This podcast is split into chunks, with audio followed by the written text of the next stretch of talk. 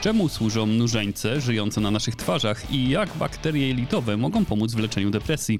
Czym jest penseta akustyczna i czemu ma służyć badanie równowagi u osób starszych?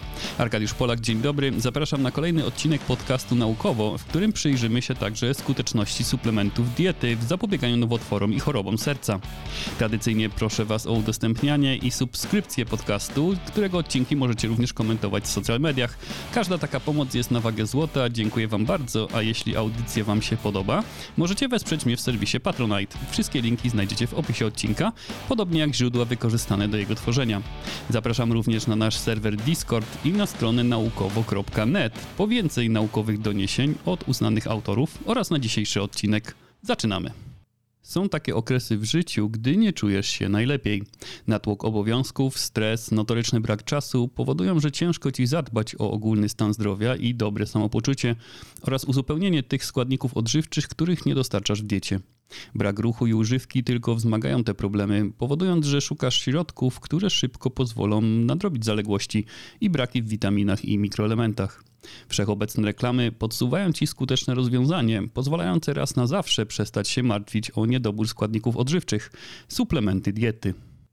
O tym, jak często sięgamy po suplementy diety, niech świadczą statystyki pokazujące błyskawiczny wzrost popularności tych produktów. Według Najwyższej Izby Kontroli w latach 2013 do 2015 zgłoszono w Głównym Inspektoracie Sanitarnym około 12 tysięcy nowych suplementów diety, natomiast w latach 2017-2020 było to już ponad 62 tysiące takich produktów. Główny Inspektorat Sanitarny, mający w założeniu chronić nas przed produktami niebezpiecznymi dla zdrowia, poddał analizie zaledwie 11% z nich. Samo sprawdzanie suplementów trwa latami, podczas których analizowane produkty mogą być swobodnie sprzedawane. Mnóstwo reklam pokazuje nam dobroczynny wpływ takich środków. Niestety za zwiększeniem ich popularności nie idzie zwiększenie świadomości klientów, czym są takie produkty i czym się różnią od leków. A niewystarczająca kontrola i przepisy prawne powodują, że często w sprzedaży są suplementy diety, których działanie nie zostało potwierdzone metodą naukową i będące zwykłym oszustwem. Rynek jest potężny, jak podaje Rzeczpospolita w 2021 roku. Wydatki Polaków na suplementy diety wyniosły 6,4 miliarda złotych i zwiększyły się o 8% w porównaniu z rokiem 2020, na co niewątpliwie ma wpływ fakt, że branża ta jest jednym z największych reklamodawców w mediach tradycyjnych. Problem ten dotyka mnóstwo krajów na świecie, także Stany Zjednoczone, gdzie opublikowano w zeszłym tygodniu systematyczny przegląd i rekomendacje dotyczącą multivitamin i ich skuteczności w zapobieganiu nowotworom i chorobom serca u zdrowych Amerykanów. Dokonała tego grupa zadaniowa do spraw usług prewencyjnych, działająca w ramach Departamentu Zdrowia i Usług Społecznych, która przegląda dowody skuteczności i opracowuje zalecenia dotyczące usług profilaktyki klinicznej. Dane pokazują skalę stosowania takich środków. 52% badanych dorosłych Amerykanów przyznało się do stosowania co najmniej jednego suplementu diety w ciągu ostatnich 30 dni, a 31% zgłosiło stosowanie suplementu multivitaminowo-mineralnego. Dokonano analizy 84 najnowszych badań nad multivitaminami, które objęły ponad 730 tysięcy zdrowych obywateli USA, którzy nie mieli niedoborów witamin ani innych wcześniej istniejących schorzeń. Pominięto także ciężarne kobiety. Następnie zespół zadaniowy sprawdził częstość występowania chorób serca i nowotworów w tej populacji. Pierwszym wnioskiem z tego badania jest ustalenie, że suplementacja witamin i minerałów była związana z niewielkimi lub wprost żadnymi korzyściami w zapobieganiu rakowi, chorobom układu krążenia i śmierci. Co więcej, ustalono, że beta-karoten był istotnie związany ze zwiększonym ryzykiem raka płuc i zgonu z przyczyn sercowo-naczyniowych, zwłaszcza upalaczy. Jak to możliwe, że beta-karoten, czyli związek występujący naturalnie np. w marchewce i przetwarzany w naszych organizmach na witaminę A, może być w suplementach diety niebezpieczny dla naszego zdrowia? Możliwe, że dzieje się tak na skutek wyizolowania samego beta-karotenu jako pojedynczej substancji. Byłoby fantastycznie, gdybyśmy mogli wyodrębnić najzdrowsze części warzyw i owoców, zamykając je w kapsułkach, jednak rośliny dostarczają nam równocześnie wielu różnych substancji odżywczych. Nie tylko jednej witaminy lub minerału działających samodzielnie, ale wszystkiego, co jest zawarte w danym kęsie. Badanie stwierdza z umiarkowaną pewnością, że szkody związane z suplementacją beta-karotenu przewyższają korzyści w zapobieganiu chorobom układu sercowo-naczyniowego lub nowotworom. Nie ma również żadnych korzyści związanych z suplementacją witaminy E. Jak zatem poprawić stan naszego zdrowia i samopoczucia? Cóż, metody są znane i prosto się o nich mówi, choć ciężko je stosować. Ustal zdrową dietę, ćwicz regularnie, utrzymuj prawidłową wagę, nie pal, nie pij alkoholu i nie zażywaj narkotyków. I pamiętaj, że spożywanie owoców i warzyw prawdopodobnie zrobi dla organizmu więcej niż zrobią najlepsze nawet suplementy diety. A teraz zajrzymy w świat techniki. W ciągu ostatnich 50 lat człowiek osiągnął ogromny postęp, starając się kontrolować światło, konstruując lasery, światłowody, lustra jednokierunkowe czy hologramy, które umożliwiły szwedzkiemu zespołowi ABBA powrót na scenę po 40 latach w formie holograficznych awatarów. Ale światło ma mnóstwo wspólnego z dźwiękiem. Oba te zjawiska opierają się na falach, a matematycznie rzecz ujmując, światło odbite w lustrze to analogia do dźwiękowego echa. Ludzie od dawna wykorzystują dźwięk do obrazowania miejsc niedostępnych, takich jak głębiny morskie i obserwacji wnętrza ludzkiego ciała za pomocą ultrasonografów. Wiele rozwiązań stosowanych w optyce próbuje się przenieść do świata dźwięków. Taką próbę podjął Zheng Shun, student inżynierii z Uniwersytetu Południowej Kalifornii, konstruując urządzenie nazwane pensetą akustyczną. Wychwytuje ono i ściska komórki nowotworowe za pomocą fal akustycznych, używając do tego ultradźwięków, czyli częstotliwości, które są zbyt wysokie, aby człowiek mógł je usłyszeć. Ta dźwiękowa penseta deformuje komórki raka, wykorzystując dźwięk jako falę ciśnienia. Urządzenie to wprawia obiekt wdygania, wytwarzając ciąg fal dźwiękowych, co tworzy obszary o wysokim i niskim ciśnieniu. Inżynier może manipulować kształtem fal dźwiękowych, aby kontrolować położenie tych obszarów, a umieszczając strefę niskiego ciśnienia nad skupiskiem komórek rakowych, badacz może je zgnieść, powodując napływ otaczającego płynu ze strefy wysokiego ciśnienia. Dzięki temu urządzeniu inżynier chciał sprawdzić hipotezę, która mówi, że komórki nowotworowe są bardziej miękkie niż zdrowe i łatwiej się odkształcają, co może być przyczyną istnienia przerzutów raka w całym organizmie.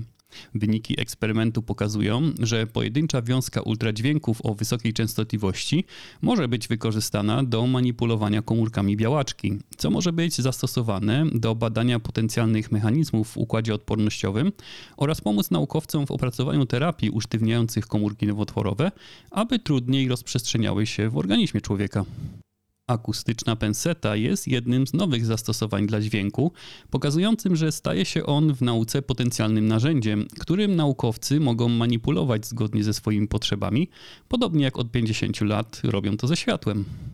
A teraz przyjrzymy się nowemu badaniu o badaniu, które mogłoby być wprowadzone do diagnostyki osób w średnim i starszym wieku. Tym bardziej, że jest banalnie proste i możliwe do wykonania w każdym gabinecie lekarskim, a mogłoby pomóc w przewidywaniu przeżycia wśród starszej grupy pacjentów. Według przewidywań Głównego Urzędu Statystycznego proces starzenia się ludności w Polsce będzie postępował. W 2050 roku ponad 32% Polaków będzie miało 65 lat lub więcej. Niestety geriatria w Polsce jest w fatalnej kondycji. Działania podejmowane w tym zakresie przez Ministerstwo Zdrowia były nieskoordynowane, częściowe i są niewystarczające.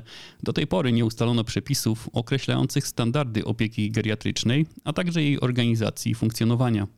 Opieka geriatryczna jest ważna nie tylko dlatego, że obejmuje leczenie wszystkich chorób jednocześnie u danego pacjenta, pomaga także dłużej utrzymać sprawność i samodzielność osoby starszej, zmniejsza ryzyko śmierci i potrzebę skorzystania z opieki szpitalnej, co obniża koszty opieki zdrowotnej, przypomnę, starzejącego się społeczeństwa. W czerwcu zeszłego roku, według danych Naczelnej Izby Lekarskiej, w Polsce pracowało zawodowo 518 geriatrów. Niestety zainteresowanie tą dziedziną medycyny spada. Zatem każde nowe odkrycie ułatwiające dbanie o zdrowie osób starszych wydaje się na wagę złota dla pracowników służby zdrowia oceniających i leczących starsze osoby. Zwraca na to uwagę nowe badanie, w którym przypomniano, że wraz z procesami starzenia zmniejsza się siła i moc mięśni, gibkość i równowaga. To z kolei powoduje, że osoby starsze są bardziej podatne na upadki, które są drugą główną przyczyną zgonów spowodowanych niezamierzonymi urazami. Szacuje się, że w wyniku upadku umiera co roku na świecie 684 tysiące osób. Za wiele z nich odpowiada utrata równowagi, która szybko się pogarsza po przekroczeniu 60 roku życia, a pomimo tego jej ocena nie jest standardową procedurą medyczną podczas badania osób starszych. Potrzebne są zatem proste, niedrogie, wiarygodne i bezpieczne narzędzia oceny równowagi, które mogłyby pomóc w przewidywaniu przeżycia i okazało się, że jest to możliwe. Zespół naukowców przeprowadził badanie wśród ponad 1700 dorosłych Brazylijczyków w wieku od 51 do 75 lat, obserwując tę grupę przez średnio 7 lat. Ważnym elementem obok podstawowych badań było sprawdzenie równowagi. Uczestników poproszono, aby stanęli boso na płaskiej platformie z rękami u boku i spojrzeniem skierowanym przed siebie.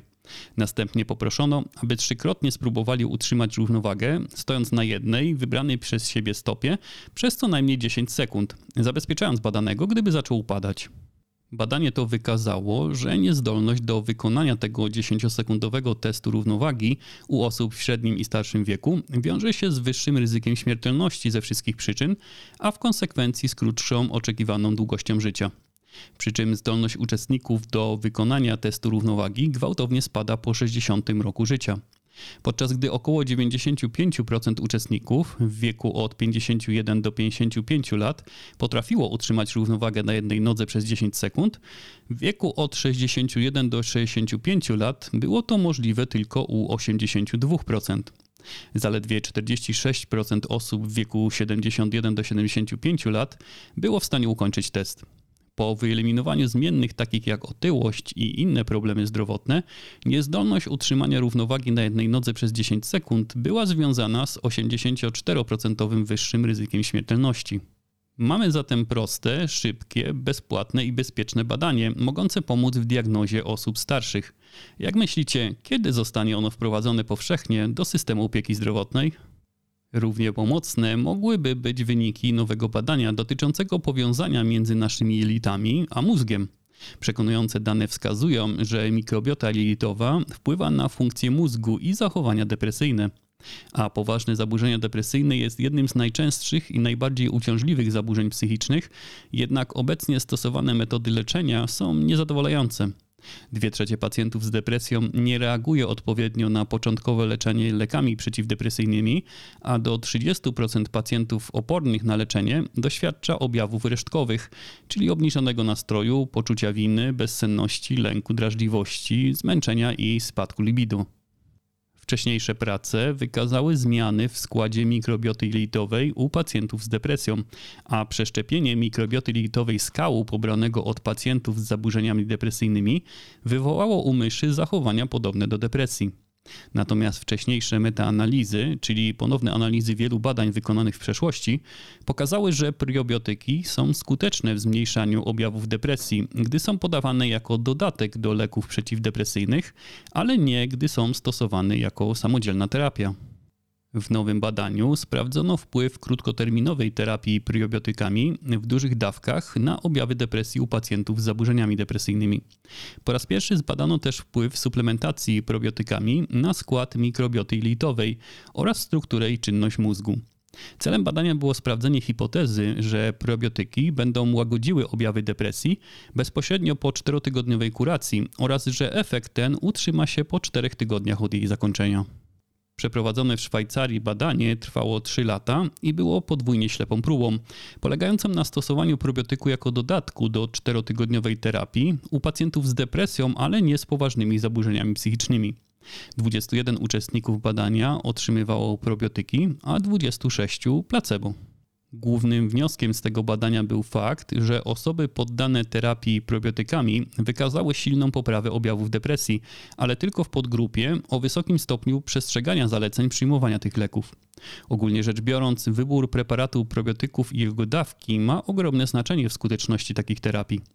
Ponieważ nie ma jeszcze jednoznacznych dowodów na to, które bakterie szczególnie pomagają w łagodzeniu objawów depresji, wybiera się spośród łatwo dostępnych probiotyków.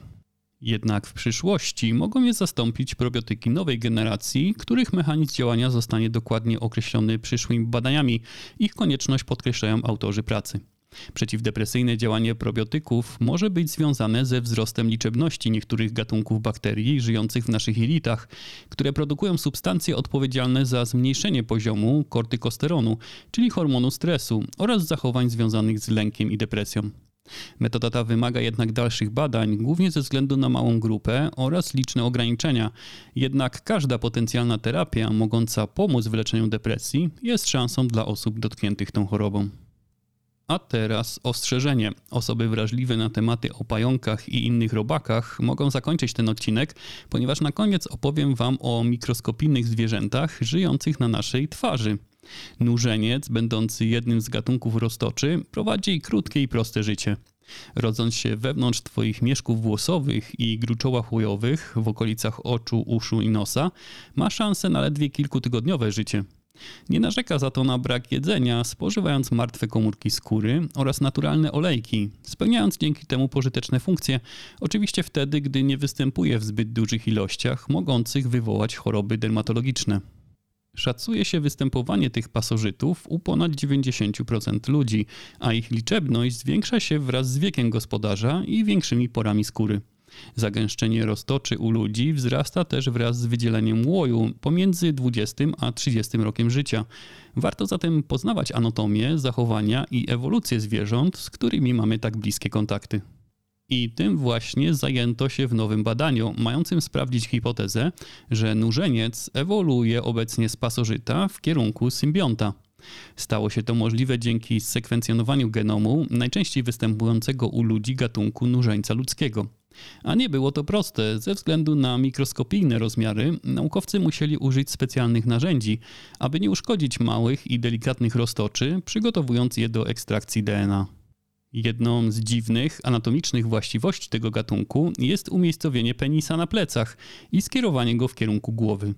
Dzięki sekwencjonowaniu DNA odkryto, że jest to możliwe dzięki przestawieniu grupy genów określających w jaki sposób rozwijają się części ciała. Geny HOX, które za to odpowiadają, ustawione są u nużeńców w innej kolejności niż u innych zwierząt.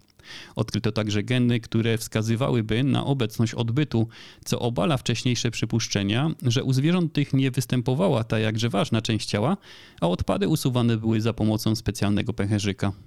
W badaniu odkryto także, że podwyższona temperatura i wilgotność sutka podczas karmienia piersią ułatwiają przenoszenie roztoczy z matki na potomstwo, a poród przez cesarskie cięcie i karmienie butelką prawdopodobnie zapobiegają transmisji i mogą spowodować, że ludzkie potomstwo nie będzie miało żadnych roztoczy lub będzie nosicielami minimalnej ich liczby ale przez całe nasze życie na naszej skórze żywić się będą setki pokoleń nużeńców.